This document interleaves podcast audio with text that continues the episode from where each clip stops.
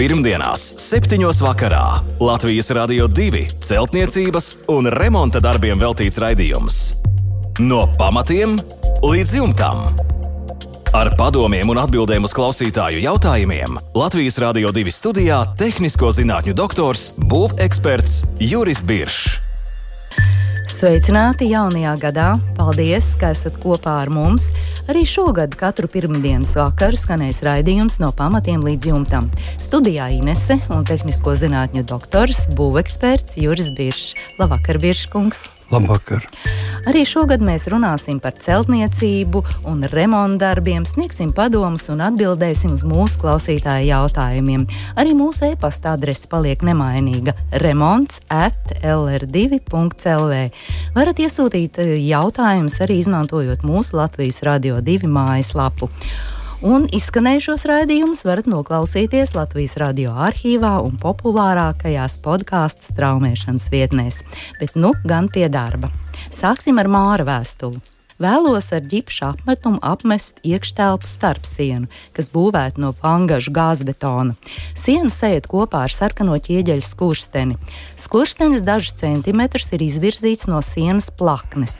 To nav paredzēts apmest. Gribētu atstāt atsektus ķieģeļus, nu tā kā interjera elementu, un jautājumi ir Mārim šādi kā pareizāk veidot šuvi starp gāzbetona apmetumu un skursteņa ķieģeļiem. Redzams, ka tagad salaiduma vietā ir plaisa. Ja uz tās uzlikšu apmetumu, baidos, ka pēc laika plaisa parādīsies atkal, raksta Māris. Lūdzu, Tieškungs, jūsu atbildi. nu, viss ir pilnīgi pareizi. Mārs arī pilnīgi pareizi orientējās fizikā, ka priekšmetam sasils un tas izplešas un, un, un atsiestot saraujās. Tātad vienalga, ko mēs tā neliksim šajā vietā, skurstens laiku pa laikam tiks sasildīts. Pie tā ir viņa funkcijas, ja viņš to pilda. Un siena nu, teiksim, nekad nepaspēs tādā pašā mm, mērā sasilt. Tāpēc šeit radīsies starpība, un šī šuve būs vienmēr. Es teiktu, tā, ka tas ir. Tur var eh, bez šaubām likt ļoti daudz interesants, elastīgs, dažādas mastikas, bet tas viss ir laika mm, jautājums tikai, un šī plaisa parādīsies.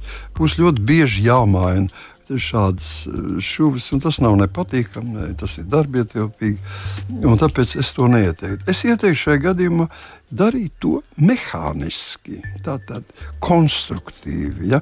Un to mēs panākam tā, ka īpaši, ja Mārcis saka, ka viņai vēl skurstenis ir izvirzīts uz āru, tas nozīmē, ka starp sienu un skursteni veidojas nu, kaut vai daži centimetri, bet veidojas kaktiņš, tāds iekšējais stūris. Tad kā gropīte. Jā, jā veidojas. Nu, lūk, šo gropīti var dekoratīvi aizklāt. Viņi var aizklāt ar, ar metālu.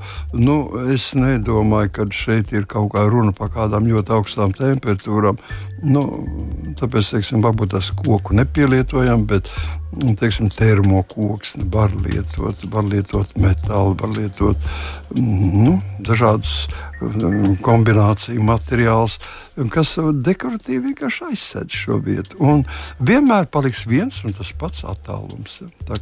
Tas ar aci nebūs manāms. Un katrā gadījumā viņš būs ļoti nu, teiksim, vizuāli pieņemams. Un tāds dekoratīvs elements. Dekoratīvs elements jā. defektu var izmantot kā efektu. Kā efektu efektu. Es pat teiktu, ka viņi varētu sienā iestrādāt kā tādu e, dekoratīvu cilni, un viņš tā nedaudz, nedaudz pāri iet uz kurstenim, ja? nedaudz pāri, bet visā augstumā. Un būtu ļoti skaisti, interesanti un es teiktu, pat e, nu, oriģināli. Un saskaņot krāsu gammās, nu, nu, tur ir e, radošs izpausmes. Nu, tur, jau ir, tur jau ir subjektīvs jā. kāds būs saimniecības. Jā, paldies par atbildi Mārim. Savukārt Maigonis eh, plāno būvēt koka karkas divstāvēku un raksta, vēlos veidot plātņu veida pamatus, vienlaicīgi pamatos pēc iespējas mazāk izmantot betonu. Un eh, Maigonis lūdz Biržkungs jūsu komentārus un ieteikumus plātņu veida pamatu izveidēji un raksta. Viņam ir vairāk jautājumu. Un pirmais par pīrāgu zem koka karkas nesošajām ārsienām un iekšējām nesošajām starpsienām nu, tā atbildēt Maigonim, ir jāsaka uzreiz. Nevis plākšņu pamatne, bet vienkārši plātnes veida pamatne.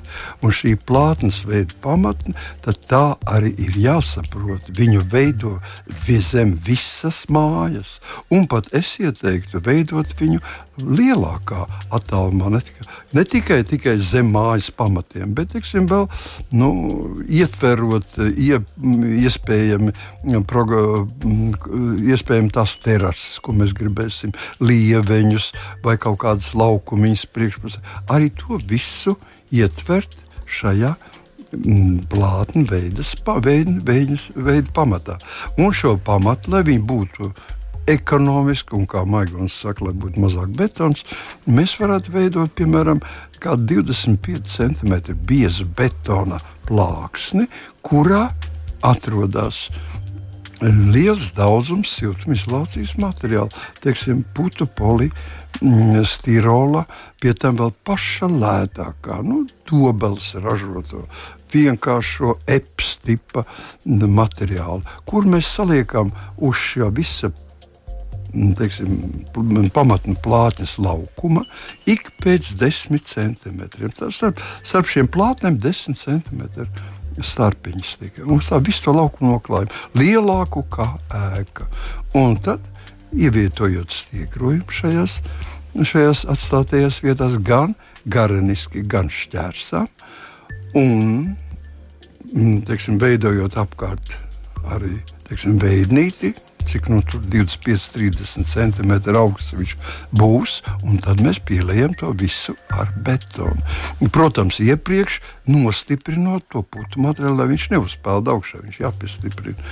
Un tad mums veidojās tāds telpiska kesona veida konstrukcija ar tādiem tukšumiem apakšā. Tie siltumizolācijas materiāli paliek tur uz mūžiem, un pārējais viss ir tikai tāda betona čaula, bet viņi ir telpiski. Viņi katrā gadījumā iztur to ēkas slodzi, un viņi ir lielākā ap, mm, teiksim, platībā kā pati ēka. Līdz ar to jautājums, vai man būs mm, pīrāgs zem nesošām ārsienām, mm -hmm. vai zem teiksim, tur, nesošām starpsienām, vai arī teiksim, pīrāgs ārpus ārsienā. Nu, tur atkrīt, ja šis pīrāgs ir viens un tas pats. Mm -hmm. Tā ir. Tātad sākam no paša sākuma. Ja grunts ir pietiekuši laba nespēja, varētu būt arī vājas grunts, parasti tādās liek plātņveida pamats, tad mēs tur liekam virsū rupju uh, būvgrūžu, granulētos būvgrūžus, kuros kur nesatur organiku. Ja? Un tad uz viņiem mēs uzklājam virsū šķembas, 10, teiksim, 20 cm kārtā, un tad liekam virsū, virsū mm, speciālus georežģus, ja, biaksiālos georežģus, kas vertikālas slodzes pār, pārveido horizontālās slodzes. Un Un tad mēs viņu veidojam šo pīrāgu, ko mēs tikko runājam. Tad mums ir šāds sagatavot vieta mājas pamatiem. Tie nav mājas pamati, bet tā ir sagatavot vieta, kuru hidroizolējam un uz kuras sākam veidot betona pamatus, mm -hmm. betonu šo rāmi. Un tālāk uz viņa mēs varam likt iekšā siltumizolāciju Tātad šeit varētu būt keramzīta, granulēta keramzīta, vai arī likt, teiksim, tur rekovāta. Vai, Cik daudz? Nu, nu, teiksim, nu, mums jau apakšā ir, ir. pietiekoši daudz, bet nu, es domāju, centimetrus desmit mazāk. Teiksim, granulēta keramzīta nemaz nevar likt, tad viņš nedod to rezultātu. Rezultātam jābūt vismaz 10 centimetriem. Vairāk var, bet mazāk nedrīkst. Un tad mums viss ir panākts. Jā, paldies. Un vēl viens jautājums Maigonim ir par pīrāgu pirmā stāva grīdām. Un ir plānotas siltās grīdas. Nu, šeit mēs varētu teikt, ko mēs, mēs turpināsim to, ko mēs tikko teicām. Tātad uz betona un uz hidro, hidroizolācijas slāņa mēs liekam virsmu granulēto keramzītu granulas, tātad siltumizolācijas materiālu, vismaz 10 cm biezumā. Un tad uz viņa mēs varam likt virsū siltumizolācijas materiālu. un siltuma, teiksim, siltuma tādu efektīvu siltumizolācijas materiālu, teiksim, ekovati vai makmens vati, un tālāk nu, attiecīgi teiksim, betona sagatave un viņu plānu, plānu betonu sagādāt, tikai lai varētu izturēt lūk, šīs uh, caurulītes, kas, pa kurām virzīsies siltais ūdens, un tā būs apsildāmā grīdas sistēma. Un tad klājums. Jā. Attiecīgi izvēlētais. Jā, paldies par atbildi Maigonim. Nākamā ir Dainas vēstule. Dzīvojam divstāvu šlagbetonu mājā. Māja ir celta 60. gados. Griezti ir ļoti plāni. Gribam uz grieztiem likt skaņas izolācijas materiālus. Nu, tātad kaimiņi krietni traucē, trokšņi dzirdami. Un Dainas dzīvoklī tā ir guļamistaba, kaimiņu dzīvoklī tā ir viesistaba. Tātad tur notiek aktīva darbība otrajā stāvā. Kaimiņi vēl novē, noēvelēja grīdas dēļus, lai tā skaistāk izskatītos. Tātad slānīts kļūst vēl plānāks. Nu, ko lai Daina Biržkungs dara? Lietas labā.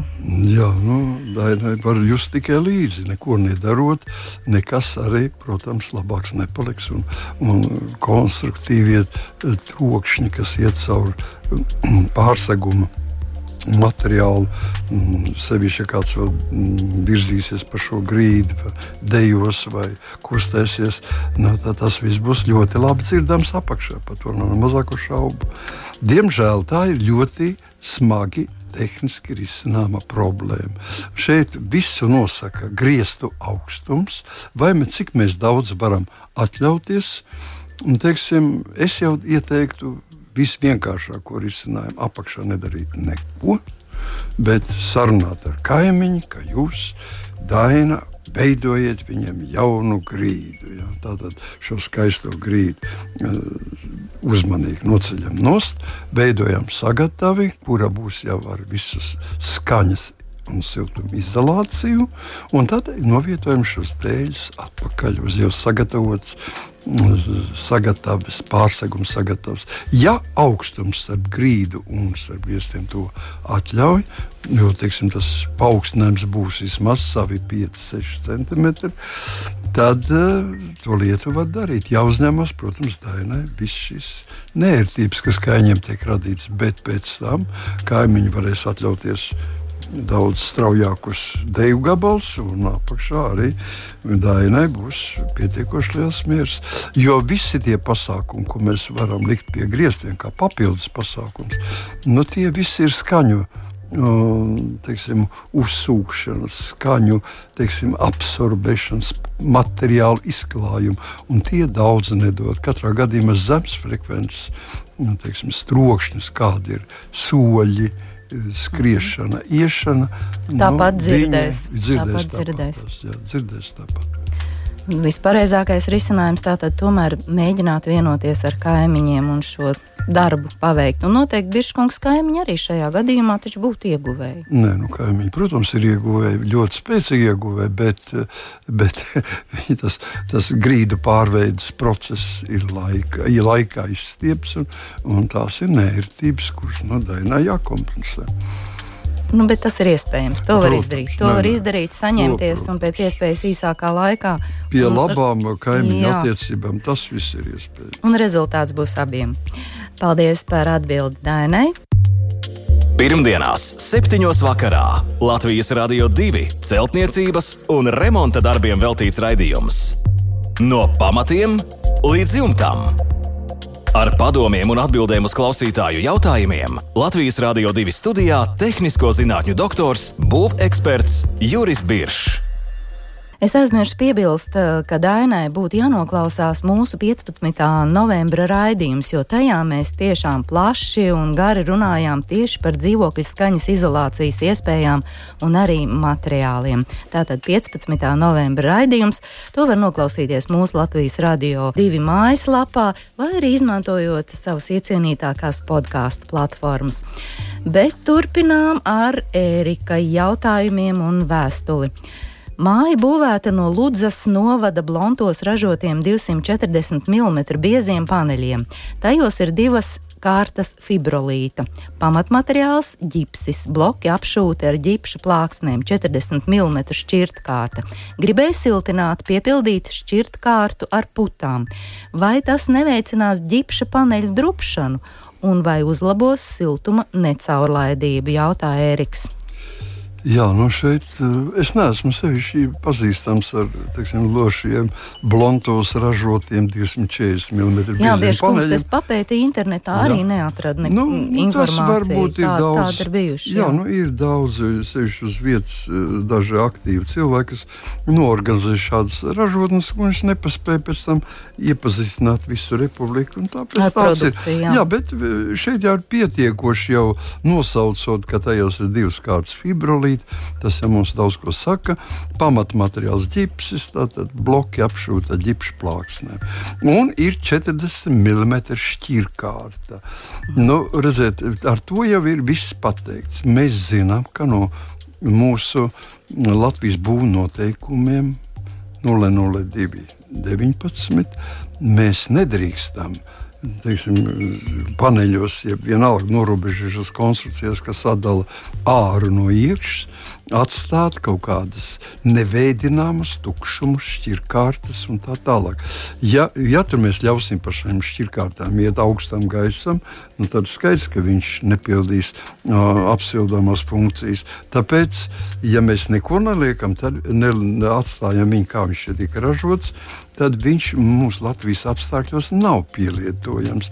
Tas ir pielietojams tikai kaut kur dienvidos, kur teiksim, mazāks iespējas ir veidoties kondensāta mitrumam. Un šie tukšumi būs pilni ar piesātinātu ūdens, piesātinātiem ūdens tvaikiem. Tāpēc doma, Erika doma, piepildīt šķirkārtu ar putēm ir ļoti dabīga un, un pareiza. Es teiktu, ka to var darīt. Vai tas neveicinās ģipša paneļu drupšanu? Grūti pateikt, kāda ir kāda mitruma pakāpe, ģips nekad nav labs bijis eh, teiksim, saskarsmē ar ūdeni, ūdens tvaikiem. Jā, viņš varētu to darīt, bet jebkurā gadījumā tas jau būs labāks nekā ar atstātām teiksim, nekā paši, tukšums. Nekā tukšumi, ja?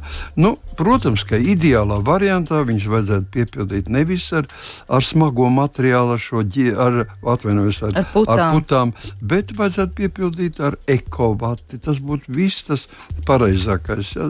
Varētu vienkārši viņu mm, dabūt, dabūt pilnu vai nu pneumatiski, vai tāpat mehāniski, bet censties visu dabūt pilnu ar siltumizolācijas materiālu. Putas pirmkārt jau ir, ir uh, īslaicīgas, jo tomēr norobežošā konstrukcija ir tuvu ārā gaisam. Un saules enerģijas ultravioletais starojums iet cauri gan ģipsim, gan daudziem materiāliem, un tāpēc viņš viņu novecina un sēž. Tas nozīmē, ka tā jau nav patīkama lieta. Otrām kārtām viņš veicinās gan mitruma uzturēšana, tātad mitrums no elpas iekšpuses, grūtāk tiks izveidināts ārā. Tas nozīmē, ka automātiski palielināsies mitrums telpās, kas prasīs savus atkal, teiksim, no, paņēmienus, kā tikt no viņa vaļā. Mm -hmm. Tā tad šķirtkārta ir jāizpilda, bet vēlams tomēr Jā. ar ekovati. Tieši tā. Jā, paldies par atbildi Erikam. Jautā klausītājs. Nākamā klausītāja mums ir Vita un raksta 50. gados būvēta koka karkas stāvbūve, pildīta ar zāģu skaidām un ar kāļķi. Brants ir saēdis apakšējo koka vainagu. Brusa ir 13 x 13 cm, arī daži statņi apmēram 5-10 cm bojāti. Kā pareizāk darīt, jautā Vita. Izņemt ārā visu vainagu un aizstāt ar jaunām koka brusām, vai izņemt pa daļām un aizstāt ar blokiem vai ķieģeļiem jo pašlaik ir pieejami tikai mitri koku materiāli. Ko jūs labāk ieteiktu darīt? Virskungs, Vitai. Kā Jā. darīt? Nu, ne, doma, doma aizstāt ar koku nav nepareiza, bet tā ir riskanta. Tāpēc, ka ja reiz uh, ēkas uh, vainags iet bojā kaut kāda iemesla dēļ, tad, sakrājoties miktrumam un veidojoties pelējumam vai pūvei, veidoties sliktā gadījumā, jeb arī tas vienkārši varētu tā rasties, tas ir sava veida risks. Ja. Tātad mums vajadzētu mūsu laikos atteikties no šādiem riskiem, un tāpēc es esmu par to, lai to darītu. Pirmkārt, ja vienu, vienā momentā noņemt visu vainagu, nu nevar, visu ēku nevar pacelt. Vienā. Pa daļām. Nu, tātad pa daļām, tas ir pa daļām, un otram kārtām tomēr labāk ir neriskēt un, teiksim, to apmēram 20, 30 cm augstumā. Cik nu tas nu, šajā gadījumā ir 13, 13 cm augsta brusa. No nu, tā ir vismaz, es domāju, divu brusu lielumā mēs varam stabili viņu saīsināt šo sienu un veidot no ķieģeļiem vai no blokiem, tikai ne no gāzbetona. Ja? Tātad Jā. varat no keroterma, varam veidot no, no daž, dažādiem citiem keramiskiem materiāliem vai betona materiāliem, bet tikai ne no gāzbetona. Jā, paldies. Un mēs vēl ieteiktu Vitai vēlreiz noklausīties mūsu 20. decembra raidījumu. Tajā mēs tiešām plašāk runājam tieši par koka stāvbūs atjaunošanas darbiem. Un nākamā mums ir Toma vēstule. Plānoju būvēt māju, raksta Toms. Izmēri 12 x 13 metri aptuveni. Vai nepieciešama nesošā siena, ja plānots likt jumta kopnes? Jautā Toms. Nu, es teiktu, tā ir ļoti moderna māja, tā ir tāda liela liels, liela laukuma māja.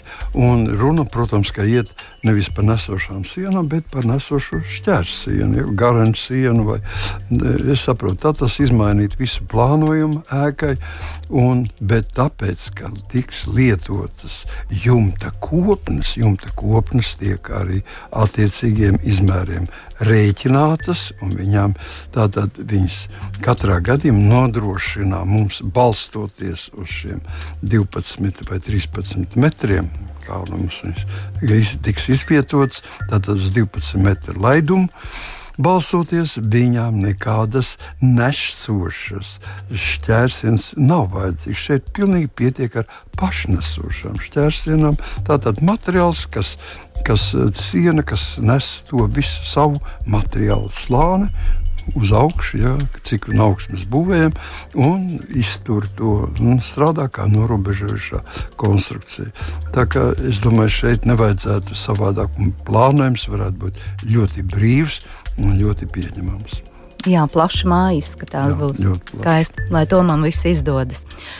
Un raidījuma noslēgumā vēl Andra jautājumi. Cik biezu ekovatas kārtu vajadzētu ārsienām, ja sienas pīrāgs ir šāds? Rīģipsis, ekovate, kokšķiedru plāksnes 2,5 cm un 1,25 cm, 3 cm veidināma gaisa sprauga un vagondēļi. Sienu karkas būvēts stāvbūvēm. Cik biezas ekovatas kārtu vajadzētu ārsienām? Jā, nu šeit tikai vajadzētu noprecizēt, vai nu mēs jauksim to sienu ārā un, un liksim viņu no ārpuses, vai mēs viņu liekam no iekšpuses. Ja, tad tas viss ir iespējams.